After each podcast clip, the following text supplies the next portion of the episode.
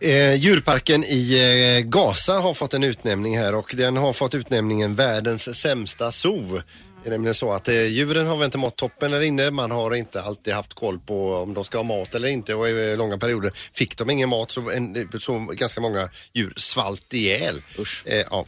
Men vad gör man då? Jo, man är ju innovativ på det här, eh, det här zooet i Gaza. Eh, så bland annat var det en, ett lejon, en tiger och en schimpans som svalt ihjäl. Då stoppar man upp de här och lät publiken istället få klappa dem utan att det var någon risk för att bli uppäten.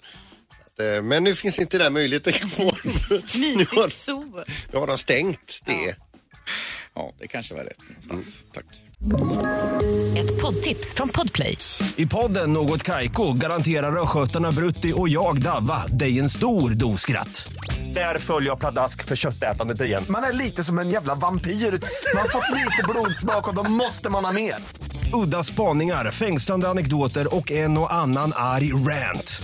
Jag måste ha mitt kaffe på morgonen för annars är jag ingen trevlig människa. Då är du ingen trevlig människa, punkt. Något Kaiko, hör du på Podplay. Därför är gardinerna.